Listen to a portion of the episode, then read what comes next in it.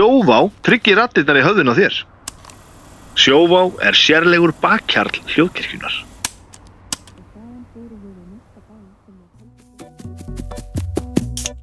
Sítrón frá öllu góskerð býður upp á þennan þátt.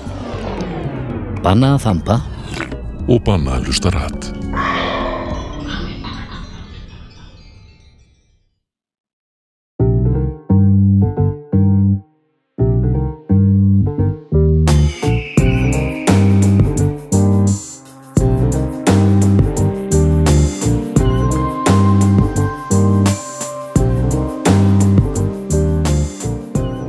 Sæl og verið velkomin í bestu plötuna.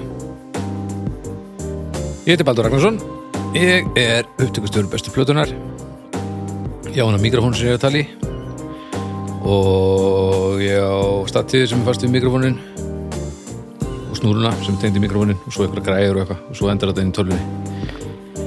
Og eh, svo endar þetta út á internetinu og þaðan fer þetta inn í hausin á okkur þar sem að þetta fer í breytist í hljóðbylgju sem fer inn í eirun á okkur og svo verða til minningar sem þið eigið sjálf. Uh, hjá mér eru tveir gestir. Það er annars vegar uh, doktor Arnar Egert uh, doktor í tónlistafræði uh, doktor Bannabröð köllum við hann þessa dagana þegar hann kom hérna færandi uh, hendi í þetta upptökusessjón sem við erum að hefja hérna í dag með alveg smekkfullt hjartalaga kökuform af alveg, alveg smekkfullt af bananabröði sem við erum að byrja að bræða hérna á í róleðutunum og þetta er alveg indislegt Já, við erum bara í starthólun við erum bara er að smakka. bananastartólunum þetta er bara allt að gerast. Og uh, en uh, mér er tjáð það þegar ég kem hérna að það sé eitthvað verið að fara að hrist upp í þessu. Mm eru bara alltaf fríminútur er það málið það? Já, eiginlega. Nei, sko. Hvað er í Það gangi? og já, frí- og haukur hérna líka. Já, já, Já, hæ. Ég, myndi, besti hökutoppurinn. Já, höldum þessari línu. Já, bestu bringuhárin. Bestu bringu árið það væri rosalega. Nei, sko, það voru besta nér Það voru fríminútur síðast, sko já, og, En fríminúturna núna í þessu sessuri mm. það, það, það eru að tala um svona current mál, sko. Þannig að, Breaking news. Ógeðslega korrent já, ógeðslega current. Ógeðslega korrent mál finnst mér. hérna, þannig að okkur fannst bara meika mest sens að, að uh, byrja á fyrir mínúndunum bara. Það var bara tvær fyrir mínútur röð eða tvennar jafnvel. Já, já, og svo komum bara svolítið margir ekki fyrir mínúndunum þetta er röð og þá eru bara komnir í, í gamla rúlið sko. Þetta er sko ég, nöðsin ég skil þetta og ég til í þetta. Já. það bara kemur svo óvart að þú hafi verið til í þetta haukur, af því að þú ert frekar vanafastur og, og formfastur. Nei, jú, En þarna var sko nöðsin brýtur lög. Já. En já, þetta er rétt. Hvernig svarar spurningunni? ég er ekkert vanafastur. Nei, ert þú ekkert vanafastur? já, var þetta sumt en þú veist ok, ok, ég ætla ekki að móðga þig. Eh, við skulum bara halda áfram. Já, eh, á, á ég að segja hvað við erum frá að tala um eða- já, Viltu gera það? segðu okkur það sem að er svo korrent Já, sérst, við ætlum að tala um metaleiku korrent mm af því að metalega Já, af því að var að gefa út blötu metaleiku var að Metallica var að gefa út Ég ætla bara að segja plötu. það.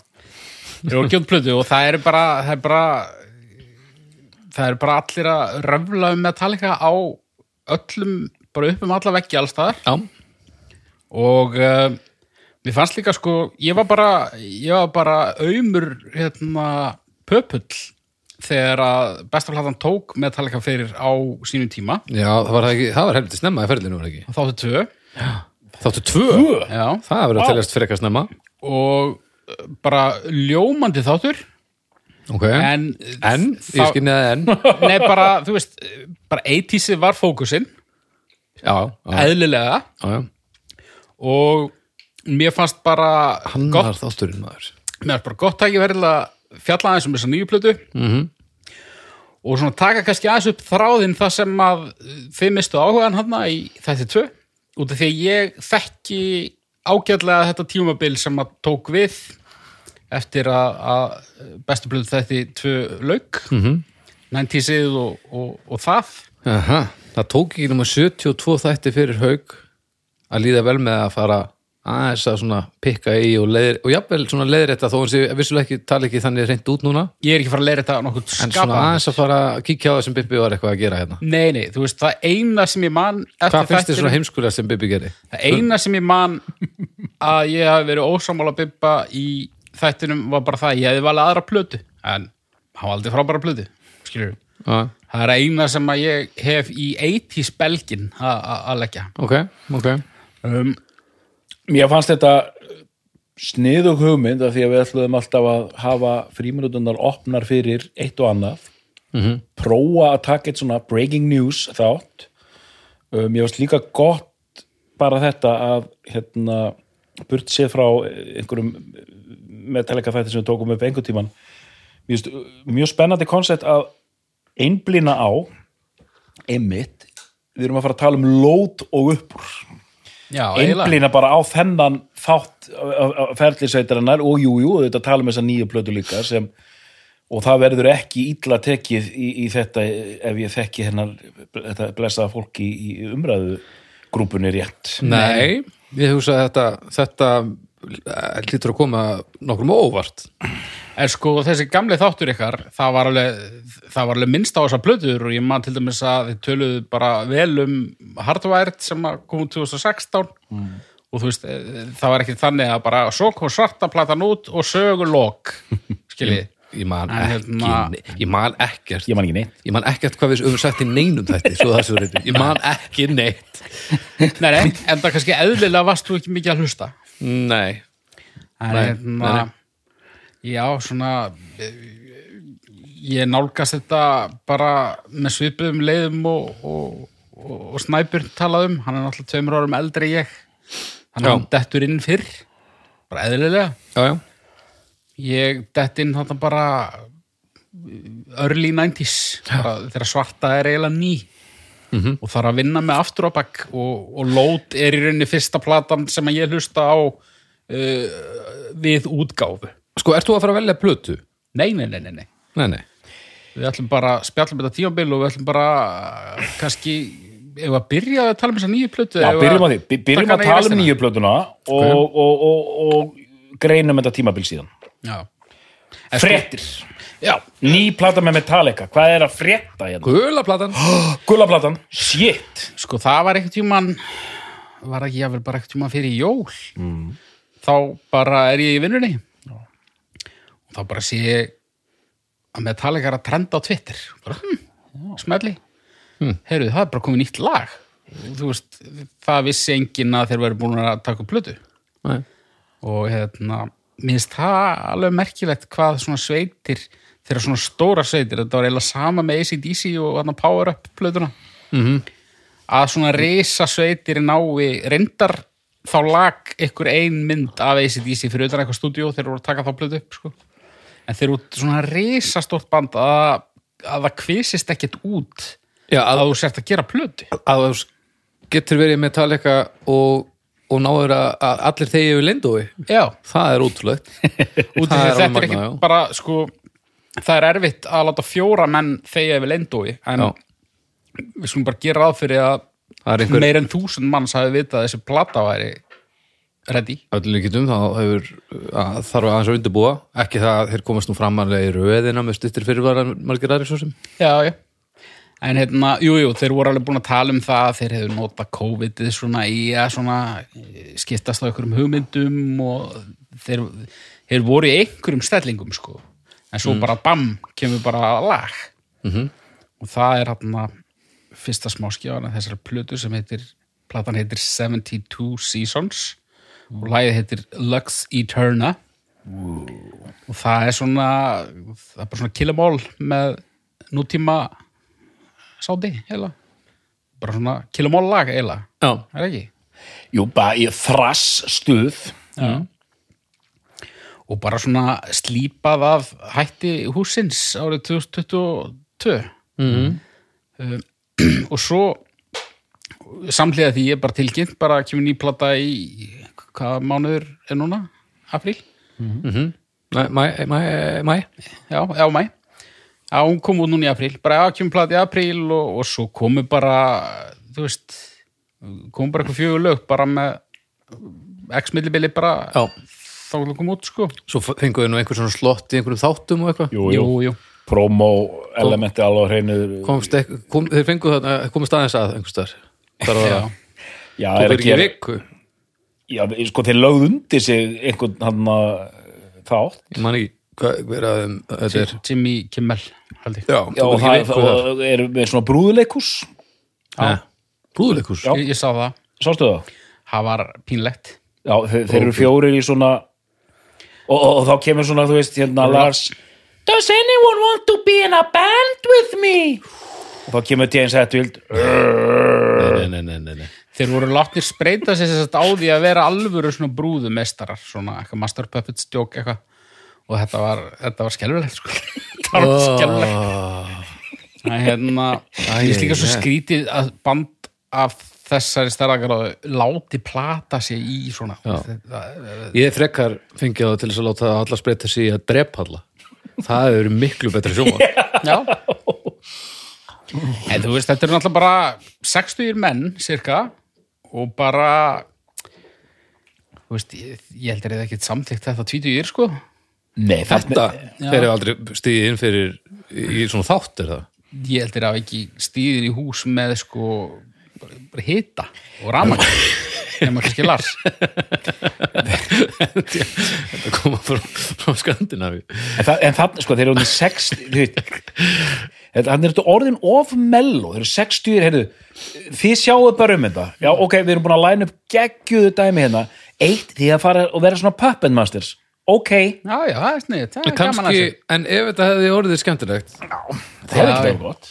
Já, já. Og, og sko, kommentakerfið var ánátt með þetta. Já, er það ekki? jú, það voru já. allir bara húrandi glæði þegar ég er um 60 þá er ég ekki að fara að taka neina anskotas ákvarðanir um neitt. Nei, nákvæmlega. Þú veist, ef ég kemst hjá því. Þeir eru búin að vera að taka ákvarðanir alla og, og búin að vera að grænda og reyna að taka réttar ákvarðanir og allir að segja að mér get ekki tekið ákvarðanir að því get aldrei gert neitt rétt og þá bara tekur brúðuna og, bara gerir þetta. Já, já, ég meina, sama hvað að gera það er alltaf ógæðslega margir að fara að segja þeim að þessu ömulegir bara þeir eru ömulegir þeir eru sellouts, Lars kálaði þér, þú getur ekkert á trommur. Já, bara, þú veist uh, alveg sama hvað þetta er að gera. grunnurinn, já. Þannig að, og þú veist, það er búið, er að hérna, líkja í Lars alltaf þetta, þú kannt ekki að tróma og þetta er umulur og eitthvað svona, síðan las ég eitt dóm um þess að nýjustu blötu og þá kemur þessi sending. Já, og trómin eru svona svona. They're almost too good sounding. Og maður bara svona, þú veist, maðurinn fær ekkert er alveg sama hvað hann gerir, skiptir Já. ekki málið en sko það er alveg sumar tromma ákvarðanir sem Lars Ulrik tekur sérstaklega á tónleikum sem eru svolítið förðulegar já, já, á skjön Já. en þú veist ég, ég en þú veist, ég hugsa eh, þegar ég, að því ég eins og komið með pottet fram í þættunum sem manni getur ég hrundaldrei, ég, ég hitti svo illa á já, Metallica vagnin að það er bara napstir og einmitt lót og, og allt í skrúinu þegar ég er fann að kíkja á það -hmm. og ég en svo þegar við fyrir að sjá Big Four út í Pólandi þá hugsaði ég bara sem svo ég ætla, að- ég ætla að njóta þess að vera hérna, þó að ég, hafi, þetta sé ekki mitt band skilur og hann bara spilaði bara stundum klaufalega og var bara ekkert frábæri en þeir voru lang bestir sko. Já, og það bara, þú veist, hann er með að tala eins og hann með ekki gera það svona fokkin sýnist, þú veist.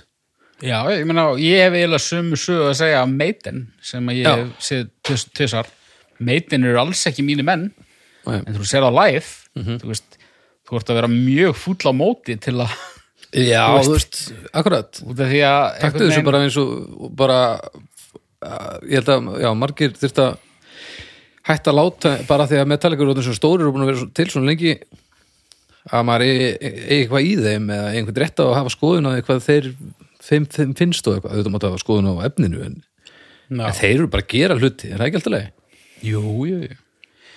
Uh, Eigum að fjalla meir um þessa plötu núna, eigum að fara í svona okkar viðbröð kannski í lokin, eða? annarkvort tölum við um gulu finnst mér og klára manna bara núna eða kannski er það skemmtilega að við svona förum aðeins í gegnum plötunar og endum gullu. Já, við gerum það þannig Gera þannig. ok, Ok.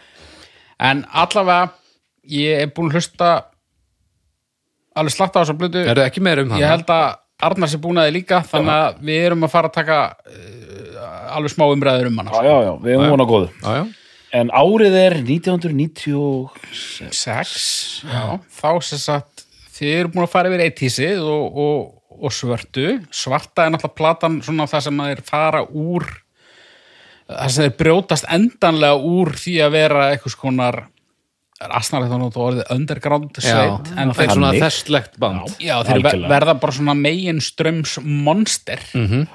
Algjörlega.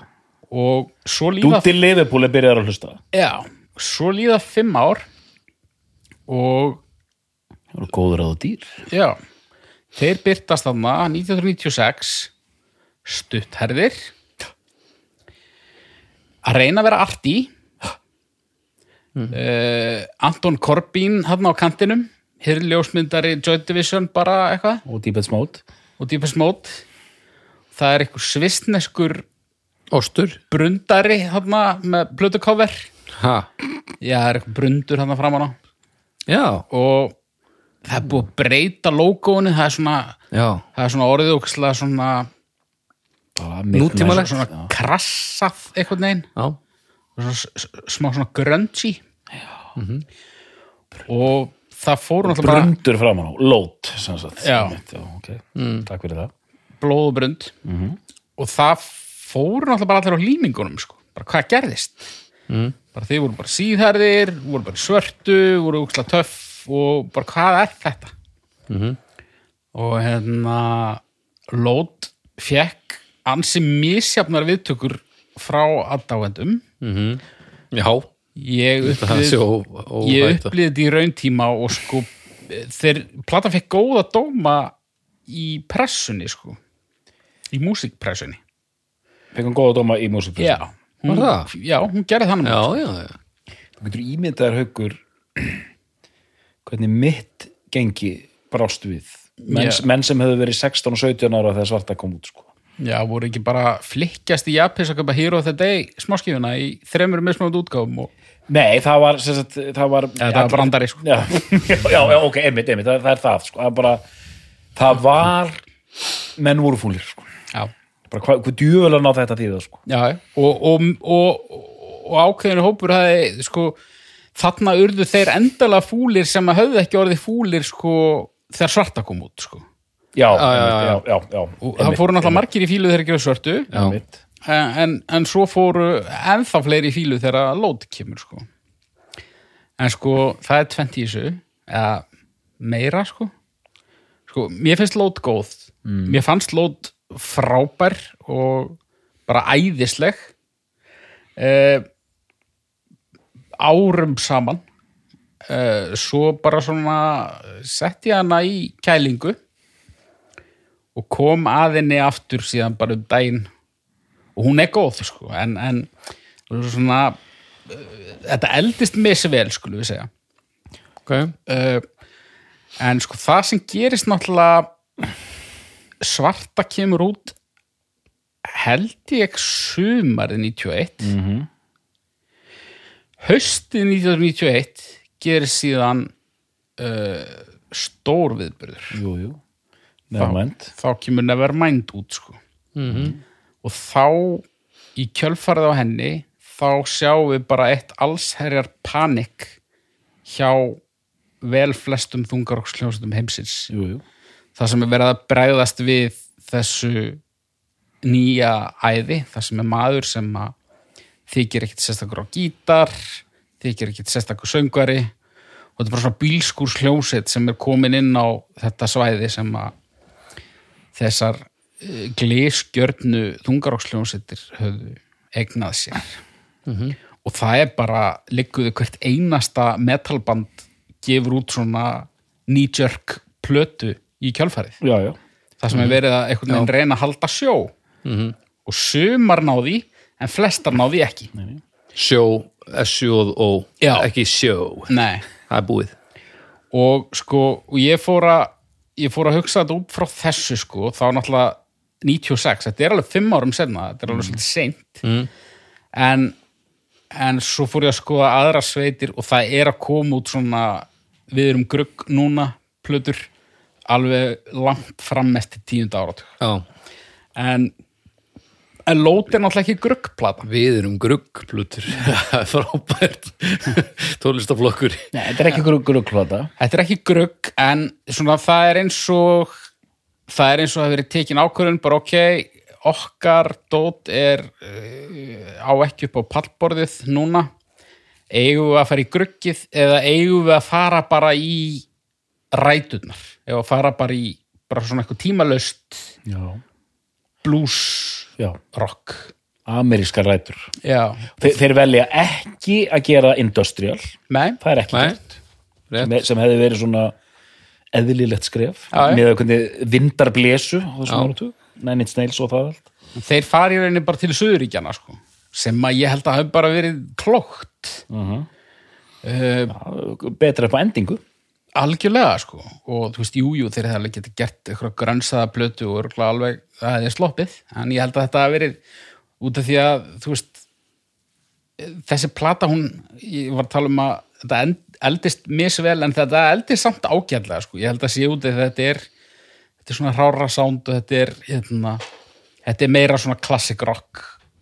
Já, eh, sko, það Já. er komið, það er svona söðuríkja rockama, það er svona Lynyrd Skynyrd, feelingur, blues, ballöður og mér finnst þess að einhvern tímann hafið þú verið mjög mótfallin þessu orði groove metal. Uh, jú, jú, ég, þú veist, ég tengi það bara við eitthvað eins og Panther og Lamb of God, God og eitthvað, en þú veist en jú, bara svona einföld grúfandi gítariff, skilur við, það má alveg kalla það grúfmetal, en hérna Hvað er aftur, það er eitt þrasslag eftir á plötunni, hvað heitir það? Uh, sko, ertu að tala um Wasting My Hate, þarna Nei. Hvað heitir svona venjulegasta lagi sem fórendar í dálítið í spilun? Hérna, Until It Sleeps já, Já, það er svona það er bara, það er svona hefði geta verið á svörtu það sko já, já, það er alveg nokkuð lögarna sem hefði alveg getur verið á svörtu sko. og mér finnst þær í rauninni ekki það ólíkar mér finnst þær ekki jafn ólíkar og mörgum þóttu, þótti sko Ég, ég, ég vil ekki segja þetta, ég meina, hvað eiga menn að gera? Mér finnst þetta að vera svo eðlilegt skref, ég meina, come on, þú, fer ekki að gera svörtu plötu nummer tvö, þú fer ekki að gera basic thrash plötu þarna, sko. Nei, Og ég held að þeir hafa líka fundið til sín, við erum lítirarnir, við verðum að gera eitthvað að viti. Já, já. Og ég meina sko, þú veist, þegar svartaplata kemur út, þá er James Hetfield 28 ára. Þegar Lót kemur út, James Hetfield 33 ára. Já, Jésús Kristur. Já. Og þú veist, pff, það, fimm ár eru ógeðslega langur tími þegar þú ert ungur. Þú ert, fimm ár er fyrir eitthvað stutt þegar þú ert að detti fimmtutt, eins og ég. En hérna, en þú veist, þetta eru fimm ár sko, menn fara alveg í klippingu en hérna Já, já. ertu bara svona er þetta bara svona þáttur til þess að settast við það að þú ert að færast nær döðanum mm. í gegnum eina við þínum upp á sljósutum nei, ég held þú væri að fara að spyrja er þetta svona þáttur þar sem þú ert að fara að verja allt sem að Metallica hafa mistið sem með sko? Sem er, þú veist, saman þú veist, ég myndi segja þetta verður bara samumræða já, nei. Þannig að ég, ég er að fara ég er að fara að vera óvægin hérna eftir sko. Ó, ok. Uh, svo kemur ári síðar út platan Reload sem að var að einhverju leiti hljóðritu í sama sessjóni -hmm. Ég hef aldrei almennilega fengið á reynd hvað var búið að gera þegar Load kemur út, þú veist hversu kláruð var Reload. Mm.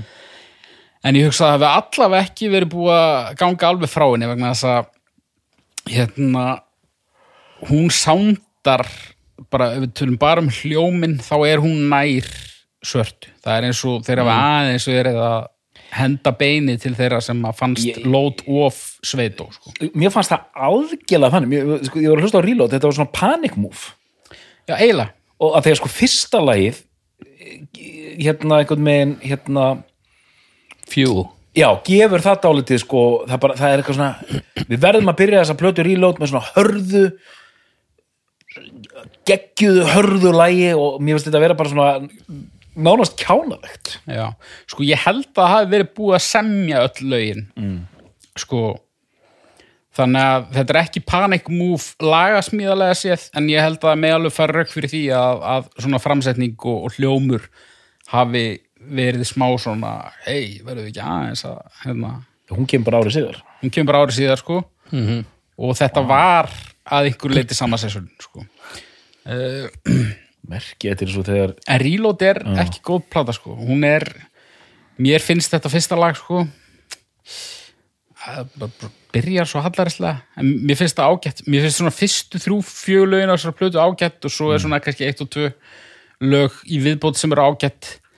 En það er ógæðslega mikið af fyllirum okay. alveg ógeðslega mikið af fyllirum á Reload. Og, og nokkur lög sem eru bara algjört frat þannig að hérna það má alveg líta á þetta sem eh, þetta, þetta lútir að einhver leiti sömu lögmálum og, og tvöfaldar plötur sem hefði mátt gresja sko. bara ef að þrjú, fjögur sístu lögin á lót ef þeim hefði verið hent út og, og bestu lögin að Reload verið sett í staðinn það, það hefði mögulega bara verið betra múf sko. En ég man alveg sko, menn voru fúlir en ég man þessi diskur var í öllum partíum sko. Já, og já, þetta var alveg rúllaði sko. Já, já og það var ekkert sko, verið að yfirgefa þetta. Nei, nei, og bara hérna eh, Jói Múrari, hann var ekkit þú veist, hann var bara að fíla þetta. Jói Múrar, er það vinnut út að liðupúl? já Já, já, Jói Múrar Eru vinnur um helgar? Já, sko, já, það var svona ég er svona að skoða minn, minn vinnahóp sko, hérna já, jú, ég meina þetta fekk bara rúla en ég man að menn voru að gera grína þeim. Voru að gera grína ljósmyndun já, og og þetta bara, þetta er eins og kettlingar, hvað á þetta þýða? já, Lars var hann í einhverjum loðpels inn í lót með augmálingu og, og eitthvað. En sko, ég var ég var alltaf hreyður á lót mm. og ég svona, ég reyndi þú veist, ég var á einhverjum tjómpúti bara, já, reload, hún er ekki að góð, hún er samt helviti góð sko. en svo svona mjög fljótlega eftir að nýja brumið fór af henni þá bara ok, þetta er, þetta er ekki þetta er helviti köflót sko. svo 98 held ég að sé sem Garrett's Inc. safnið kemur, það er tvöföld svona tökulega plata. Jú, jú, þar voru nokkur lög spiluð grimt í, í sjónvarpi. Uh, Whiskey in the Jar er þar. Aha. og eitthvað. Og þú veist, já já, sumt þar er bara ljómandi, ljómandi sko. og svo er annað bara uh, act spes. Uh, þar er ég sennilega hrifnastur af það er eitthvað bara tíu mínútna svona merciful fate sirpa. Já, alveg rétt. Sem er bara svona það er bara svona feel good go to hjá mér sko. bara, þú ert bara með öll bestu Merciful Fate lögin í sirpu. Já, þetta er auðvitað og bara það band, þessar tvær plötur þeirra, Melissa og Don't Break the Oath við er verðum bara- að taka þetta Þetta er bara eitt besta þungarokk sem ég hef he- heyrt á æði minni sko. við verðum að taka þetta ekkert í mál sko. Þetta er bara ótrúlega flott tónlist sko. Þetta er bara second to none sko. og einstakt Já, þetta er bara dásalegt sko. 99 minni mig að SNM komið, þar eru þeir þarna, komnir í slagtók með uh, Sinfoníuljónsitt San Francisco borgar. Já, ég mani þetta þeirri plötu. Er það Michael Kamen var það ekki? Jú. Sem að hafði verið að útsetja eitthvað á svörtu. Hann er hérna sko nú hef ég aldrei almennilega vita er, er þetta fyrsta svona út því að nú er þetta bara standard. Og þú hefur náttúrulega framið symfóníu tónleika með jú, og mjög margar þungararsljóðsveitir já, en, en hvar byrjar þetta? Byrjar þetta þarna eða byrjar þetta fyrr? Ég er ekki viss. Ég veit ekki. Mér finnst þess að þetta hafi verið fyrr. Já, það lítur eiginlega að hafa verið fyrr sko. En ég ætla ekki að henda inn Deep Purple og orkestran inn í, inn í þetta mix sko. En Ég held þetta sé allavega fyrsta stóra þungaroksljómsveitin sem að geri þetta sko. En ég, ég man að ég hugsaði því ég sá þetta, ég hugsaði svona jæ, Já. það er líka því að þetta er ekki alveg nú gott sko. Sumt annað er bara alveg ágætt sko. Já, Svo en- bara annað sem að það sem að þessi symfóníu vinkill bætir bara einhver við sko. Nei, þú veist, þetta er mott, mottumál svolítið, stundum. Það er bara að vera að spila með. Mott, mott, mottumál. Það er bara að vera að láta fullt af höndum spila hljómana en ég hef ekki heyrt þetta mjög lengi en, en Eða, veist, það, það er sérstaklega þannig í þessum eh, svona í þessum svona mestu þungarokslögum er það klálega þannig. Já, en í þessum svona ballöðum og hægari lögum þá, þá, var svona meiri útsendingar. Já, þá er þetta smekklæra uh, en sko nú er ég að tala um nú er ég að tala um þetta með mínum uh, vel rúmlega fertu augum eins og ég sé það sko. Já, og þegar, Ái. þegar að þetta kom út þá fannst mér þetta töff sko. Ok, næs en hérna svo erum við bara dottnir í svona fyrsta svona alveg bara nánast einróma sammála um að sé mistig Stangar já, stangarinn uppáhaldsplatanans alla Jarls. Já. Er þetta uppáhaldsplatarans? hann er, ég hef aldrei séð mann hann er bara trúbóðið sko og talar rosalega mikið um Saint Anger mjög reglulega, já, já, en nú er allir eins og hann, honum einu með lagið, hann er búin að lýsa því núna yfir að gula platan sé það besta sem Metallica hefur gert síðan svarta platan. Það er bara yfirlýsing frá alla Já, hann fílar ekki svörtuflutur síðan, síðan svarta svarta platan. Síðan svartan, síðan sent engar, engar munir já nei, nei, síðan hérna, nei, býtu hann, síðan Justice já ok síðan Justice hann segir bara sem sagt, besta plata sem Metallica hafa gert síðan Justice er gula platan og hann hljóma meira eins og hann sko. já, var bara alveg grjótarður sko. og þegar ég er eiginlega vissum að, að ég, mér minnir að hann sé rættilætning maður sko. en eh, pældi þér en, eh, þú veist, það sem ég lesi eh, ég hef alltaf verið svo ótrúlega hrifin af hvaðan eh, heldur kindlinum hátt á loft fyrir, fyrir sent angar sem er mjög hötuð plata. Já.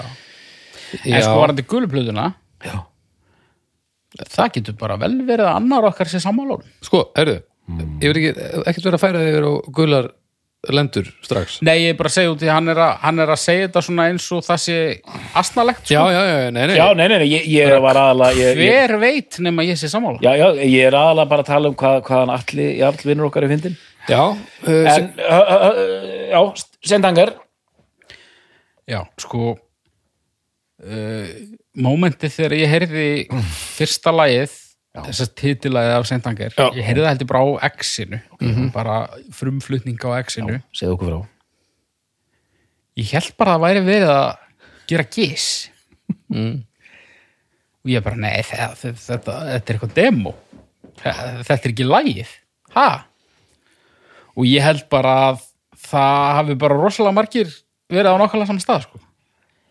ég bara trúði ekki því sem ég heyrði og náttúrulega það eru fyrstu viðbröð það var bara hvernig þetta hljómaði sko. þetta hljómaði svo undarlega mm. og bara má færa fyrir þetta hljómi illa um, sem að er ekki það sem að mér finnst helst í gallin við þessa plötu sko nei, nei er bara- er það er ekki stóra vandamáli ef manni finnst vandamáli vera til staðar ég. nei, sko stóra vandamáli við þessa plötu er bara það að hún er léleg sko þú meina lélega lög já, Ég, ég man, ég, sko, þegar ég heyrði þetta í fyrsta skipti, ég, fyrst alveg, ég hafði ekkert við þetta aðtuga, ég heyrði það ekkert, en ég var að hlusta núna aftur. Það sem ég fíla svo geggjað við þetta er að það eru menn komnir aðeins á aldur mm. Og eru bara fyrstu tvö lögin, þetta er bara, þetta er bara eitthvað punk með einhverju svona stáltrommu, hérna, industrial fíli þeir viti ekki alveg hvað þeir eru að gera gera það samt vilja vera með the cool kids. Ég elska þetta. Mér finnst þetta bara snilt. Já sko, og, og ég ætla ég ætla, ég ætla að bæta aðeins við það sem ég sagði með lélegt sko, mér finnst þetta lélegt en mér finnst þetta samt snild sko. Út, af því, út af því að bara klesjan þú veist að taka sensinn og renna á raskatið það er alltaf aðeins virðingaverðara heldur en að gefa út, þú veist þriðju svörstu plötuna. þriðju lótplötuna. Já, þriðju lóti, já, en hvernig færðu soundið, þú skrúar hérna, þú skrúar vírana af snerlinum það ekki, já, þeir eru bara ekki jafn þétt upp að uh, botn trommunni í rauninni. Þannig færðu þetta þetta er svona stíldröm hérna fílingur já, það er, það er fáránlegt sniril og í sumum lögum er bara eins í sumum lögum er bara eins og hann hafi tekið það bara af skilu, og það er bara búm já, ægilega kvellur og þú veist eh, ég er bara alltaf til í að taka ofana fyrir þeim og fyr- fyrir Lars Ulrik bara það prófum þetta bara en, en sko vandamáli við Saint Anger finnst mér vera það að þú veist þeir eru að reyna að koma aftur með svona langar compositionir svona eins og Justice. Mm. þeir eru einhver 7-8 mínúna lög rosalega kaplaskipt en þetta er rosalega svona framvindulöst Já, og í svona nýju formati sem að ég man endingin og ég ég það er svo langt síðan hlusta á þetta en þetta er náttúrulega, þetta er alveg new metal já, já, alveg daður sko. Og new metali hefur heldur sjaldnast svona, svona stærri verkum eins og, eins og þeir eru að reyna að gera. En aftur langt síðan hlustaði mjög langt síðan hlustaði En sko, já, þetta er bara svona, þú veist, bara það er, er bara eins og þannig að samkant af monsterlæði sem að titilæði í myndinni sem er frábær, ótrúlega bíómynd. Ótrúlega mynd. Ekki, að, ekki frábær eins og þeir ættu eða vildu eða ég ger mér ekki greið fyrir því hvert planið var ég held að planið hafi bara breyst með hverjum deginum þegar það verið að gera það sko. Það er ótrúlega þetta er ótrúlega dæmið sem er í gangi en þetta lag sko hvernig þetta er í hug að setja þetta á plötu, þetta riff þetta, þetta, þetta er slappasta riff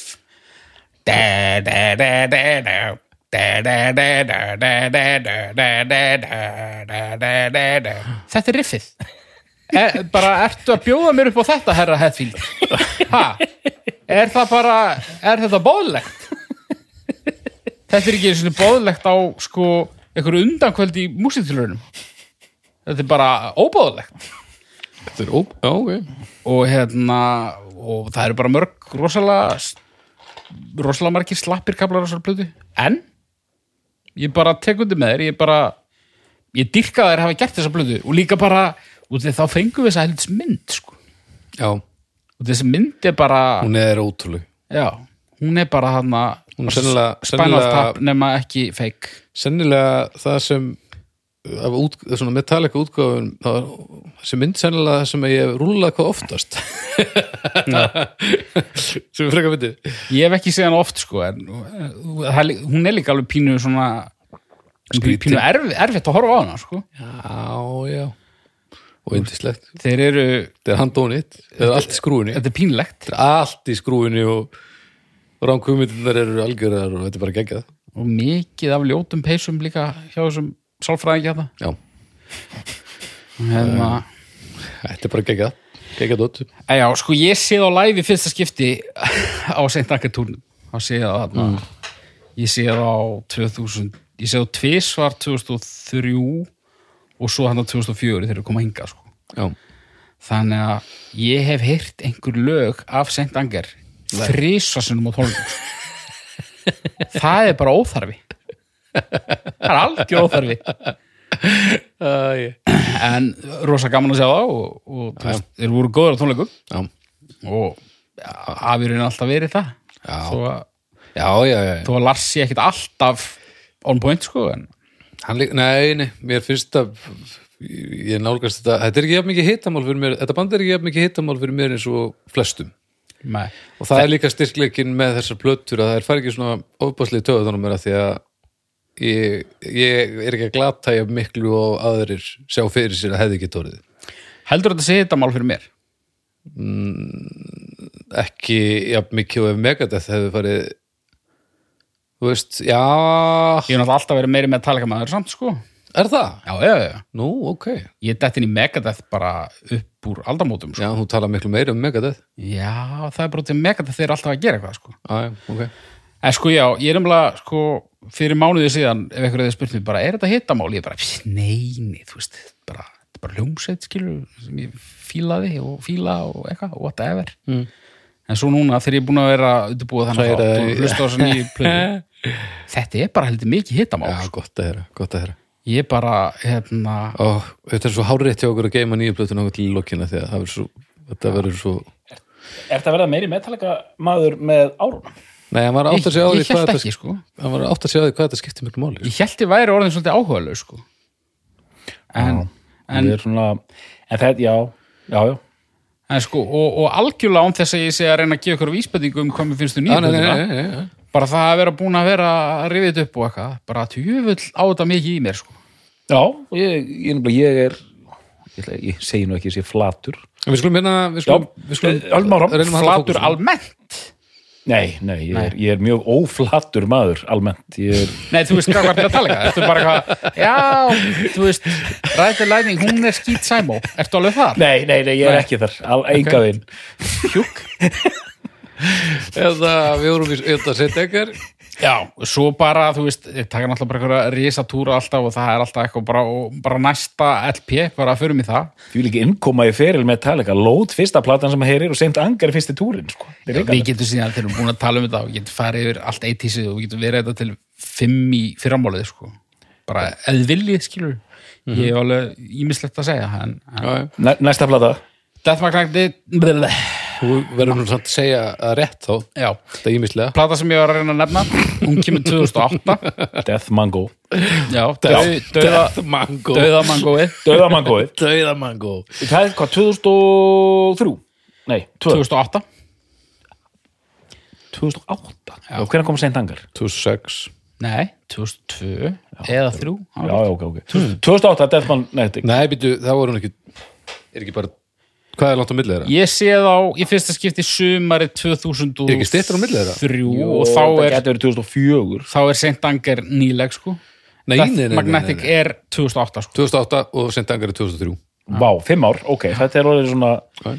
Ég geti sagt það, aukur hérna, þegar Death Magnetic kemur út Já. Döðamangóið Death Mango með metla þá er ég bara vaktin sko, upp í mokka og ég fæ bara það task að taka þessa plötu almennilega og, og skrifa dóm sem ég sannarlega gerði og fór í þetta þvílíka stuð af því að þetta er fyrsta platan þar sem þeir hittar ykkur úpin og hann segir sem ég finnst eitthvað svo glata Ímyndið ykkur að þið sé að taka upp Master of Puppets.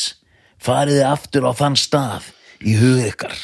Er Master of líka Puppets. glataðu gaur Já, farði í buksur byrja, sko, byrja þú að fara í buksur áður en, áður en ég hlusta á Nei, það, byrjaði að fara í sokka. Farið svo í buksur Já, og, hérna, og, og, og þá Hárrétt. kemur allt í einu fyrsta platan, þar sem er bara tekin sko, meðvita ákvörðun, við ætlum bara að gera thrash album aftur.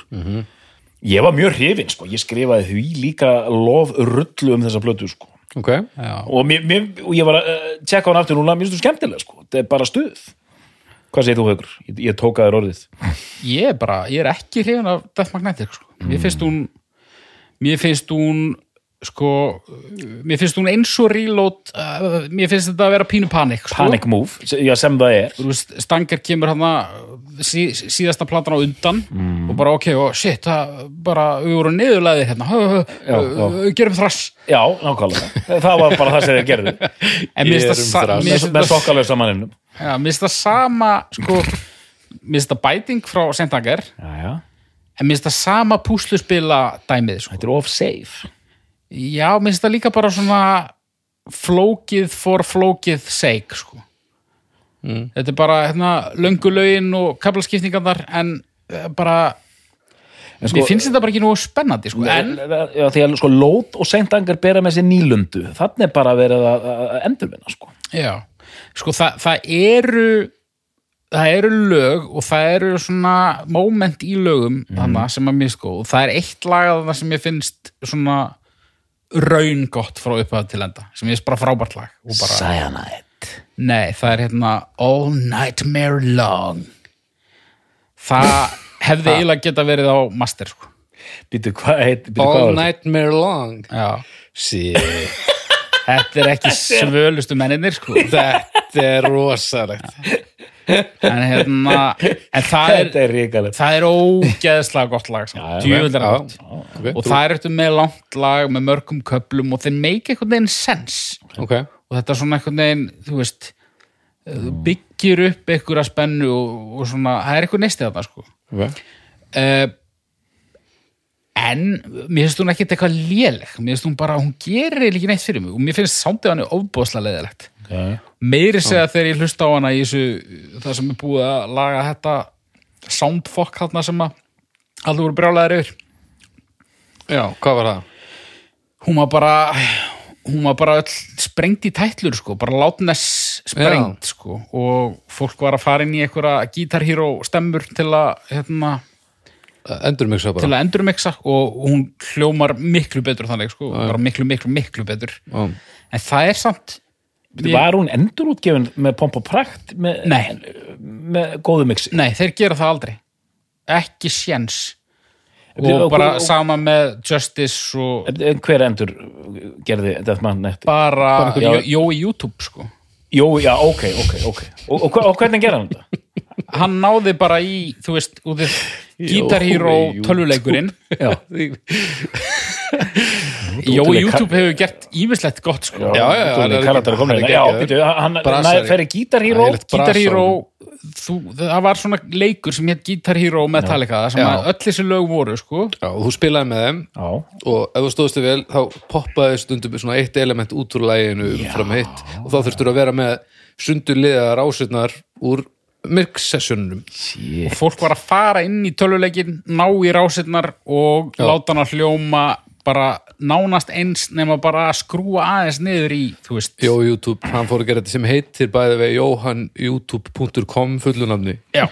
hann fer og finnur þessa fæla og gerur það aðgengilega Já. það var einhver sem remixaði Justice og setti bassa inn, hvernig kom það út? bara fínt sko en það er náttúrulega ekki sama eða þú veist ég skil þetta ég skil þessa nálgun hjá þeim að þú veist vilji ekki gera þetta þess að bara platan stendur bara eins og hún er. og þú veist ef þú fengir Justice með einhverjum feitum botni og uh, heyranlegum bassalínum bara Það var þetta ekki samplata þá er þetta ekki samanbladar sko. Og þú veist það er gaman að heyra þetta en, en þetta er bara annað. Myndur þú aldrei hlusta á þá útgáfu frekar en hérna? Jú, jú, örgulega en, en go-to-ið væri samt alltaf upprunalega sko. Það er ekkert sem segir að þeir þurfi að vilja gera þetta, finnst mér svo veist. Nei Ég er alltaf með í liði að þeir sem eru að búa eitthvað til geri það sem þeim sýnist sko. Já. og sko uh, en eins og þarna sko ef að, ef að þeir myndu gefa út Death Magnetic uh, svona eins og var búið að gera á YouTube ég myndi alltaf taka hana fram mér sko. bara út af því að þú þetta er eiginlega plata sem þú getur eiginlega ekkert hækkað. Ég vil geta hækkað. Já, já, já. getur eiginlega ekkert hækkað, það Nei, er bara ekkert hægt sko. Skilji. uh, en þú veist ekki vonlaus plata en mér fannst hún vonbriði en það eru sprettir þarna og það eru sko, það eru, það er riff og riff. Þannig að hérna Ok, svo förum við bara svo kemur Hardwired hvað 2016 eða ekki? Og Lulu. Lulu Lúlú maður.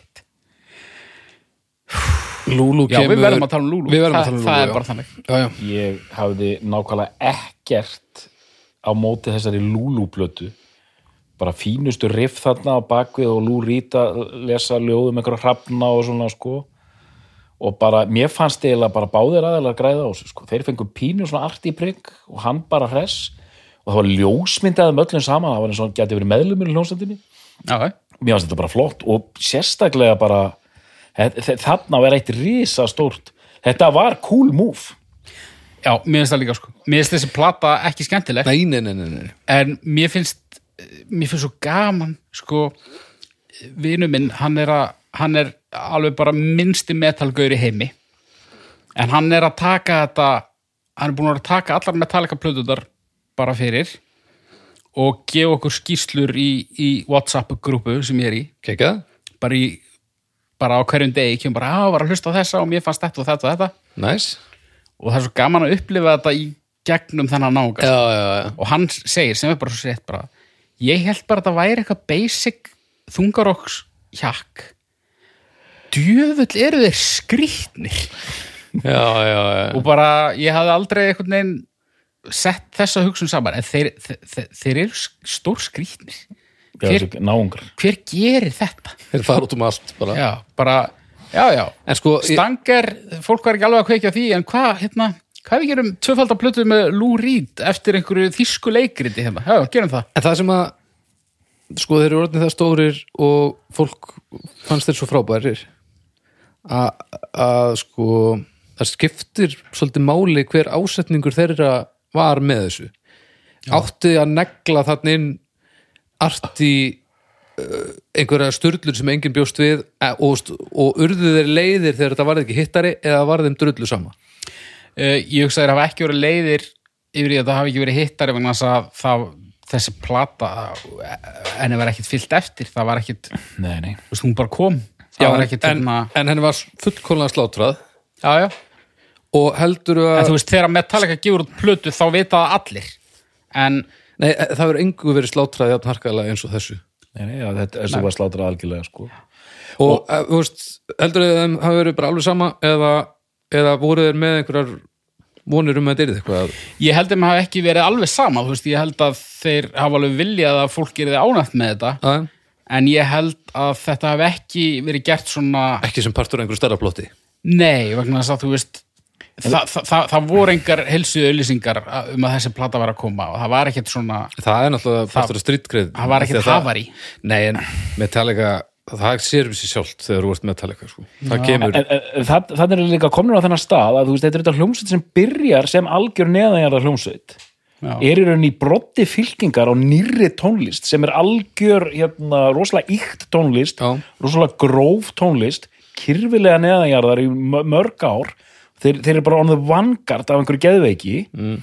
síðan bara koma Jói Múrari og, og Dúti Liverpool taka þetta aldrei yfir og það eru þeir sem eru öskrandi og æpandi á, á Lulu-dæmið en ég, ég bara setja þetta í smá samhengi að þetta, er, þetta, er, þetta eru gaurandi sem voru að gera algjör á síru sko þegar hérna Já, já. þegar Kelly Mál kemur út. Og þannig er raun að gera það sama sko. Já, þetta er ekkert svo galið sko heldur. Nei, nei, en ég ætla ekki að þykjast hafa ykkur meiri mætur á þessar plötu heldur ég hef, vegna sem mér finnst hún mér finnst hún misætnuð sko. Já, hún þetta er ekkert, En- þetta er meira kannski svona, hvað þessi er, yfirlýsing en, en ég er svona whatever vagninum sko. Já, ég er bara á sama stað og með Saint Anger, þú veist þetta fer ekki á fóninn.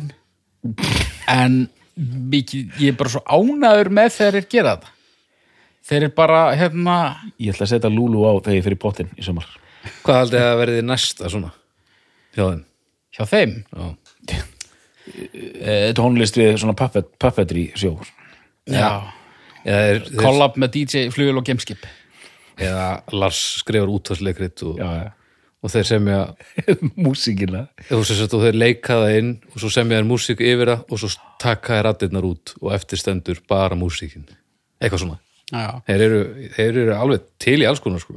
Þeir eru náttúrulega til í all- alls konar en þeir eru samt þeir eru ekki artígaurar. Nei, nei. Þeir, Nei, nei, þeir eru ekki þannig artíkur, þeir alls ekki. gera alls konar artí og, og þeim, þeir verðast laðast að því og sérstaklega Lars Ulrik Já, en hérna málverka samnarinn já, ég held að þú veist James Hetfield, þetta er bara eitthvað sem hann, hann er bara plataður í þetta. Svo er hann bara mættur bara eitthvað með lúrít og, og, og bara já, jú, ég bara ég treysti Lars, þetta bara þetta, við erum að gera þetta núna, flott. Hann er orðin líka daldi einnanlega sko, þú veist, Kirk og Robert Trujillo eru, eru svona serv, server dudes. Og Hetfield bara eins og hann er. Hann er svo eini sem er eftir. Var hann ekki með svona smá bandamann í Jason Newsted, hann hérna Lars í ykkur artibælingum Mm, Nei, það var eiginlega Körk sko. Nú, nú, ok, en, en Körk er bara svona ég held að Körk, Körk er bara eitthvað stóner skilur og hann bara, þú veist já, ég veit ekki. En, en sko það er svona ólík innri pólitík bara þú veist eftir því sem tímanum líður en, en, en Lars er sá sem dregur þennan vagn sko. það er þannig. Um, 2016 uh, kemur út platan Hardwired to Self-Destruct. Og takkið þessu Robert Trujillo Metallica's longest serving bassist. Já, við myndumst ekki einu svona á það. Það var náttúrulega urðu manna breytingar þarna upp úr Death 2000 Magnetic, hann kemur inn þar eða ekki? Uh, Trujillo. Já, Jú, hann það er kemur fyrsta platan sem hann spilaði. hann er, Já, já, satt. hann, hann, hann spilaði ekki inn á Sentangar hann er komin inn í hljómsveitina þegar Sendangar kemur út en, en hann tekur bara túrin sko. Já Ok, uh, Hardwired. Hardwired uh, löng. En þarna er svona það er svona sko strákana plata. Já. fyrir mig. Megar það sér já, já, já, já, já. það er satt pínu svona uh, en samt uh, en þú veist, það eru Dugleir. já, ég held á hans 12 lög. Og já, meira en helmingurinn af þeim finnst mér góð hún er 12 lög hún er 77 mínútur og 42 sekundur það er óþarfi já, en sko ég myndi segja svona við skulum segja þrýr fymtu af þessum lögum uh, gutt er að ég mjög vel sko. Ok. það eru þarna þrýr hundar og, eitt, tveir hálf það eru þrjú lög undir 6 mínútum já, Sko, ég hlustaði mjög takmarka á þessa plötu, enda ekki á vaktinni lengur. með er hún uh, þokkala liðin? Sko henni var mjög vel tekið. Já, mér minnir að, að, að einmitt eins og þú segir svona, skre, svona já, skrefir rétt að átt fílingur. Já. Og þú veist, en hún er ekki frábær, er það? það eru lög á henni sem að mér finnst frábær. Ok, en nei, plata með sko segjum þremur hundum og tveimur hálf það er fjögur að hundaplata Þannig, en hver prodjúsaði? Þannig að soundið er í lagi núna. já, hann heitir Greg Fiedelman hann er, hann var Fiedelman. engineer á Rick Rubin plöðunni Ok. Fídelmann já, er á að vera einhver lúður sem að maður spilar á í fjöllunum í Sviss já En það er ekki tilhörlega þegar það ekki tekið Rick Rubin inn aftur. Nei, um, ég held að rosalega fáir nema kannski Slayer og Beastie Boys taki Rick Rubin oftar en einu sinni sko. hann er bara svolítið svona ellarplötu gull er, hann, hann hefur gert mjög margar Chili Peppers plötur. Já, reyndar. Já, já, hann, já, já, algjörlega. En hann er svona, hann er ekki allra. Nei. já, þú veist, bara uh, sannfærandi plata og, og í rauninni sko rökrétt framhald af Death Magnetic já. nema bara, Thrash.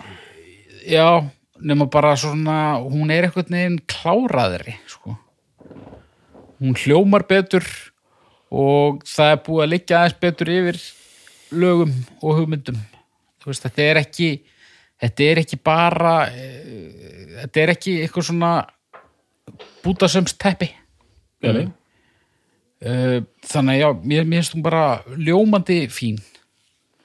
ok Uh, og þá erum við bara komin að gulu.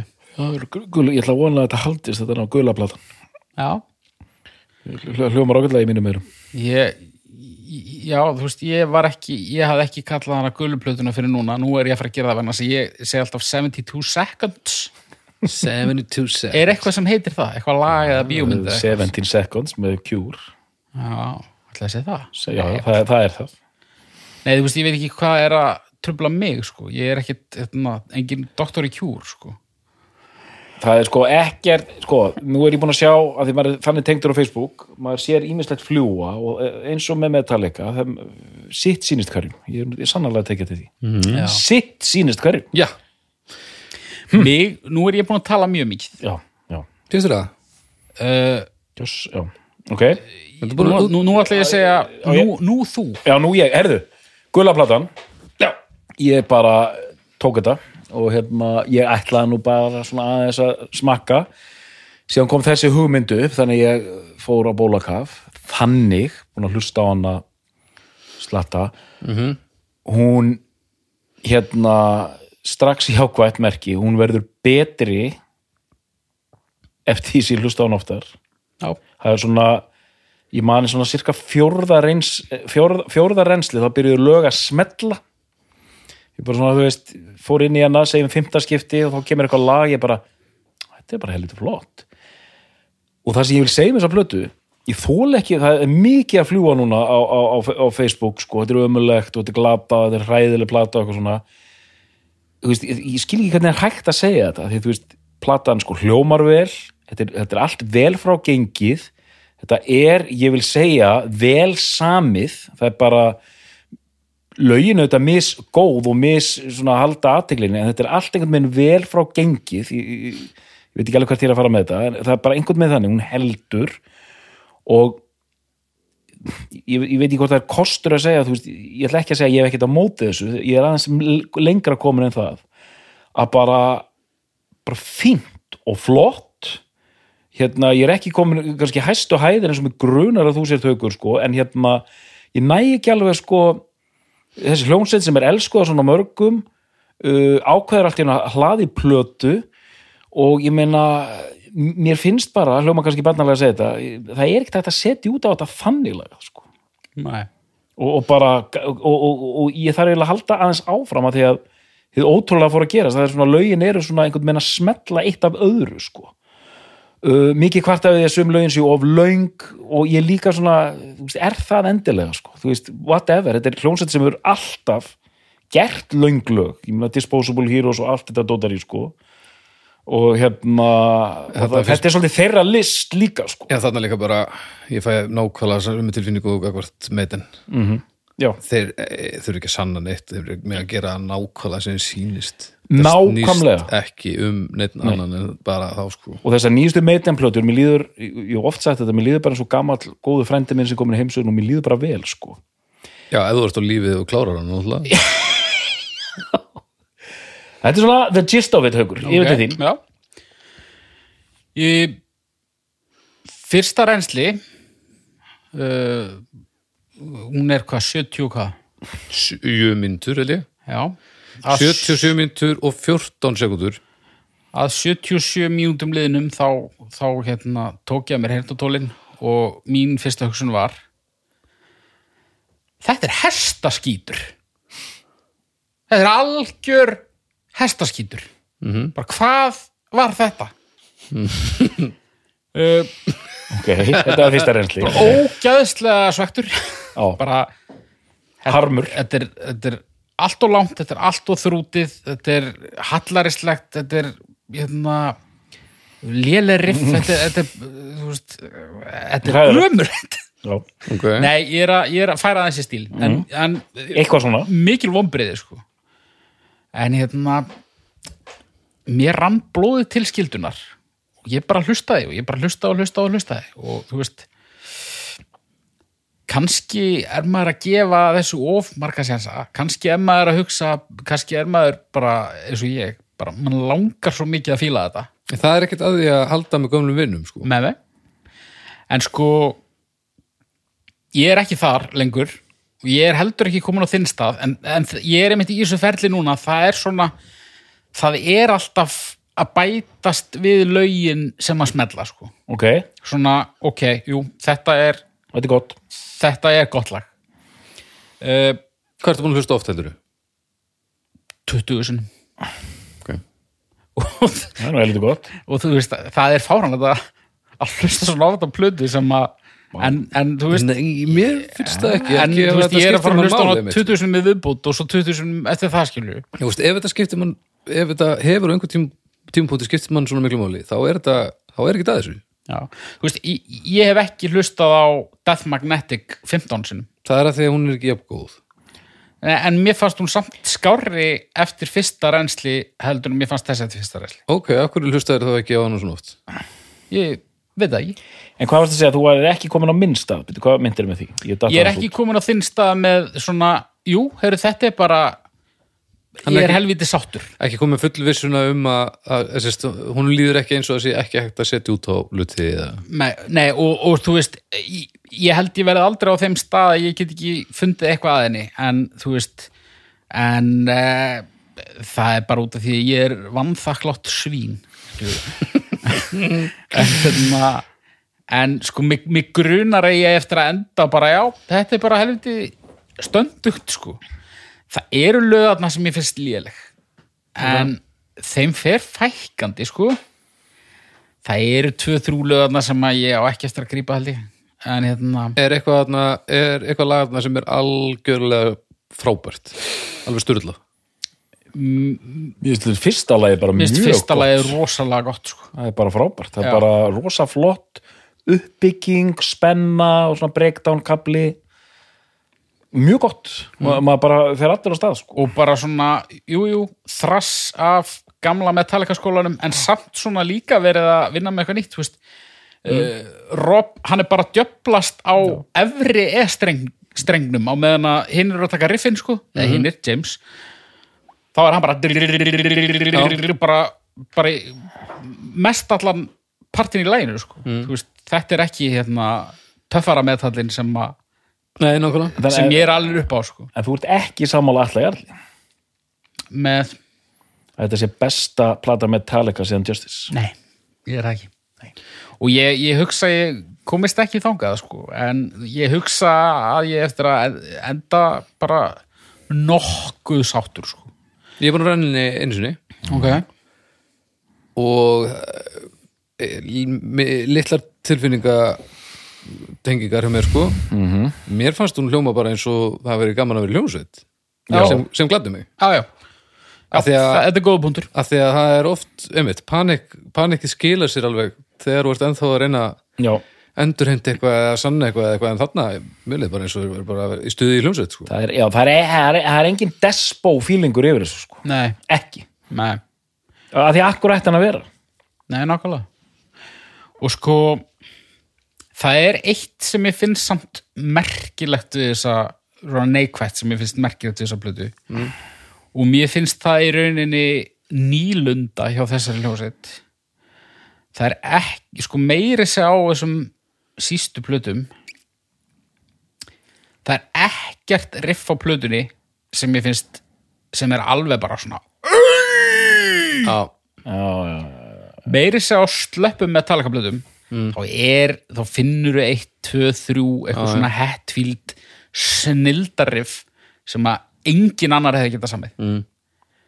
það er fullt af flottum riffum að en það, það er, vantar þetta ég er ekki svona- búin að finna svona riff það eru nokkur alveg svona í áttina.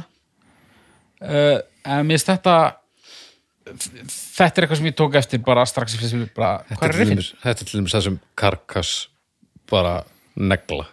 Já, það koma bara riff og maður skilur ekki hvernig hund gamalt fólk getur komið með svona eitthvað ævintýrlegt sem gerir mann alveg Já, og, og þú veist, meira svo Death Magnetic sem ég finnst ekkert spes og þú veist, það er bara, það er bara lag bara eitthvað lag og mér finnst það bara lélegt lag mm. en svo bara, að, riffið þarna í þessu lélega lagi, já, það er frábært já, og þá einhvern veginn hlustaði ég bara stundum á það lag út af því að, út af því að þetta riff er svo gott sko.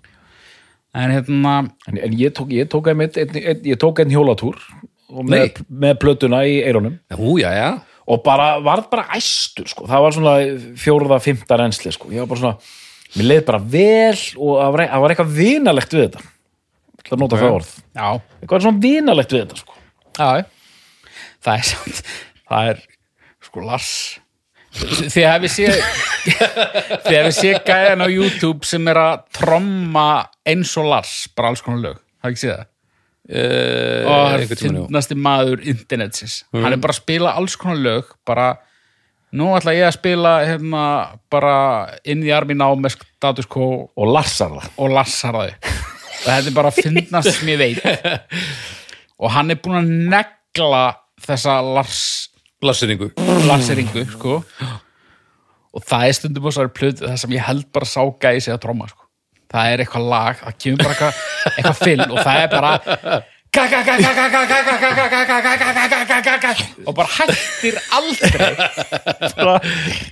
Hvað þarf að gera þetta lengi? Og þú veist það er eitthvað svona taktur.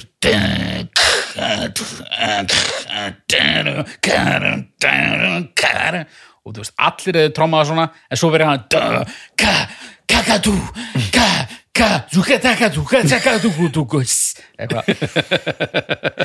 en þú veist, mér þykir samt svo væntum þetta. Já, já, Lass, Lass að hann verður að finna sér eitthvað að gera. Já, ég, og líka hann er trómuleikarinn í Metallica. Já. hann getur gert það sem hún sýnist. Já. Það er hans platta sko. Og annað en þetta hefur svo sem verið mér, mér þetta hefur hrjáð á allan eh, alla síðustu tvo ára og það er þetta hérna intro riff sinnum fjórir. Já, intro riff með öllu bandinu sinnum fjórir eða sinnum átta. Já, versariff sinnum fjórir. Uh, svo kemur veist, og svo eftir viðlagið þá kemur intro riffið aftur. Einu sinni, nei, hérna, fjórum sinnum átta sinnum, skilur, það er alltaf þessir þú veist, það er, það er oft svona óþarfa, þú veist bara drullið ykkur í gang. Já, en hérna, þú veist stundum er ég meina, ef að ef, ef að kaplinu er nógu geðugur skilu þá, en hérna stundum vill maður bara fá söngin bara beint inn með versriffinu skilu ég var, ég var að spjalla mitt við nefnda minn í LHI sem hérna mikill metallica maður sko og hérna við vorum að tala um þetta lengt laga bla bla bla og ég fór að tala um Disposable Heroes sem er 8 mínútur og 5 sekundur eða eitthvað leika sko. Er það svona langt? já, ég held alltaf að það veri 5 mínútur. Já, síðan bara svona, mm, það er 8 mínútur. Opnunarlægi á hlið 2 Master of Puppets og hérna ég hlusta á það, sko, þetta er svona hið fullkomna, það er ekki einni sekundu wasted á þessu lagi sko. og ég saði henni að nema þetta þetta lag gæti verið 40 mínútur fyrir mig minn smekk eða mín vegna og bara indi sko, þetta er bara svona lag sem er bara fullkomið. Það, það, það, þú veist, við erum að tala um ólíka hluti sko, þarna voru þeir auðvitað bara on fire. -hmm. það var ekkert klikk neinstafar það ég, Það ég fekk það lag í hérna ég sá það á hróaskildu 2013 þá tóku þeir það sko. Ég hérna hafði ekki eirt það áður og þeir hefðu ekkert mikið verið að taka það svona hinn síðari ár. En svo þá fór ég á góða staði. og svo núna reynda bara áðurinn sem plata kom út sko ég var ennþá bara alveg ylvolkur þannig lagað en þá sérst keitt ég við miða þarna ég er að fara að sjá þá uh, 16. og 18. júni já, þannig að ég get verið með, ég get Hvar? Gautaborg Jöteborg ég get hendin einhverju Gautaborgar sprelli í grúpun leitað að lassa eða eitthvað? Leita að lassa. Leitaði að lasa En þar eru þeir sem sagt, þeir eru að fara að taka sko, þessi túr var að byrja núna um núna þessa helgi. Mm. tvö gig í Amsterdam núna, föstu dag og svona dag og þá er það þannig að þú kaupir sérst miða þetta eru tvenni tónleikar Já. og, og e, þú veist, þeir taka ekki Aldrei sama Þetta- lagið. aldrei sama sett sko. Þetta er, þetta er pínu næ sko. Já, og þeir eru svo góðir í þessu. Já, þeir eru náttúrulega góðir sko. Já, og bara þetta, þú veist, ég meina eins og bara með fullri viðingu fyrir ACDC sem að nú kannski verið mest einna mest gaggrindir fyrir þetta, þú veist, þeir, þeir eru alltaf bara með hittara og svo gefur út plötu og á túrnum á þeirri plötu taka þér kannski þrjú lög á nýju plötunni en svo eftir þann túr þá er 0 til 1 lag sem bætast í setlistan, þú veist, þeir, eru- þetta er þú ert aldrei að fá í rauninni eitthvað óvænt, sko. Metallica e, sérstaklega í setni tíð það hafa verið ofbóðslega passasamir með þetta. Hristu þessu? Já.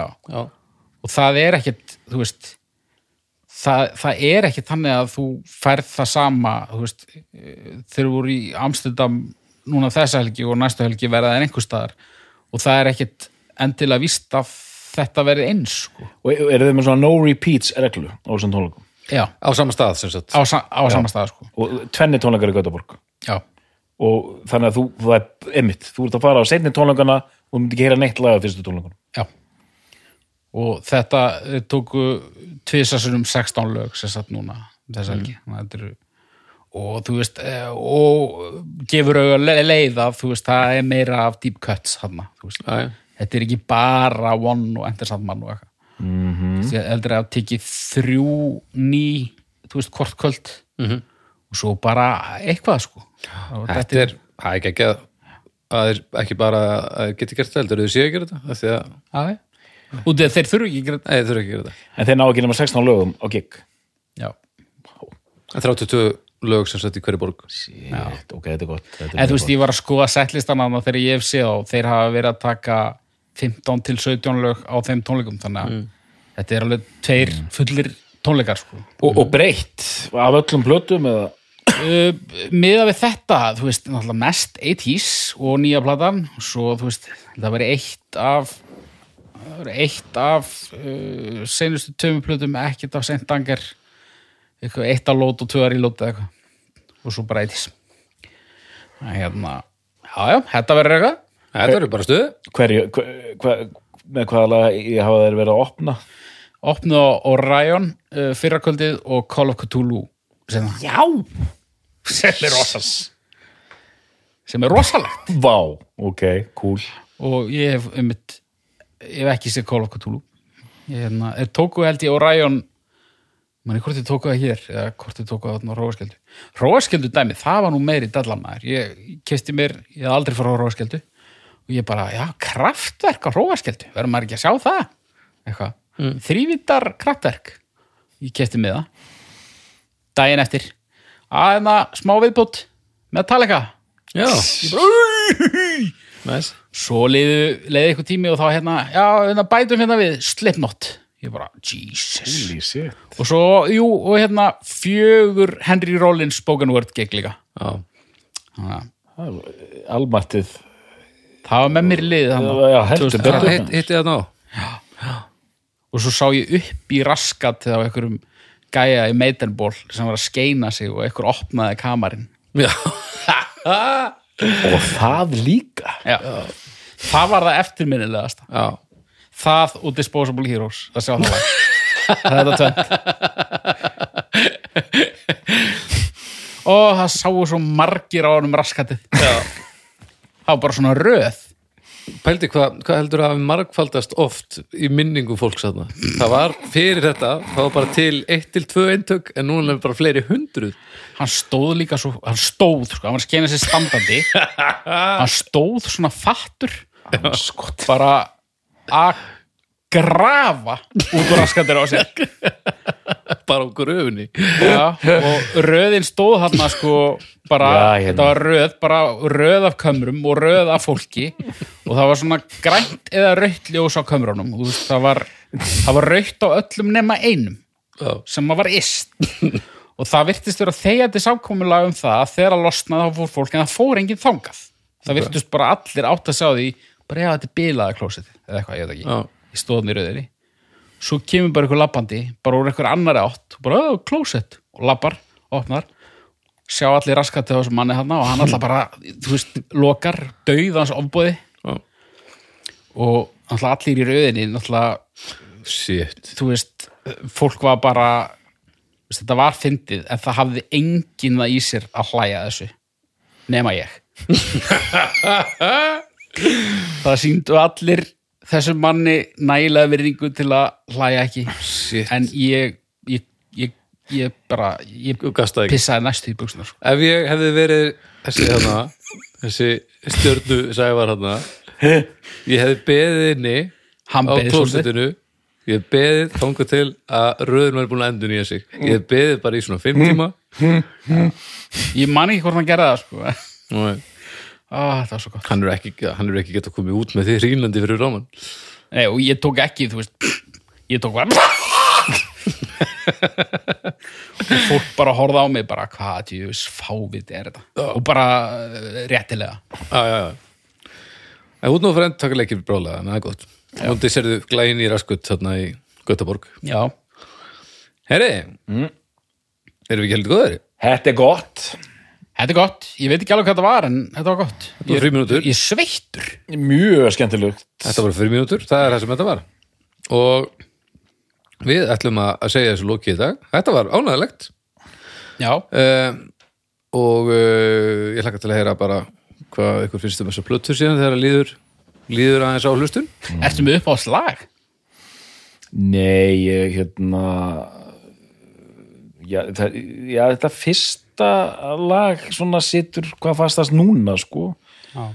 en svona, mér finnst hún fara vel af stað líka, ég, en ég er ekki alveg búin að reikna út hvort þetta sé framhaldningur. Ég fyrsta og hérna Too Far Gone. Þetta er þriðja síðasta. Mm. þetta eru þetta eru tindarnir. Ok. já, gaman, að já, heyra, gaman að þetta sé e, sé stuð. Ég held að ég vil bara, bara takk fyrir þessar fríminútur, þetta var resandi já, og uh, þeir sem eru að hlusta, takk fyrir að hlusta við heim svo bara aftur eftir viku Bye! Bye. Æ,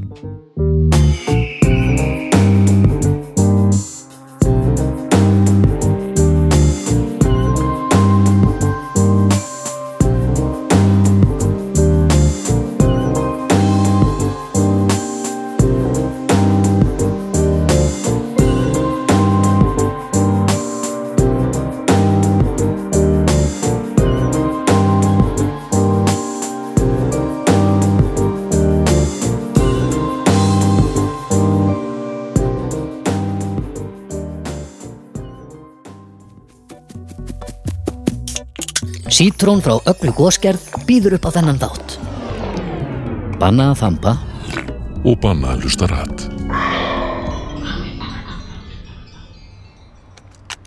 Sjóvá tryggir rattirnar í höfðun á þér.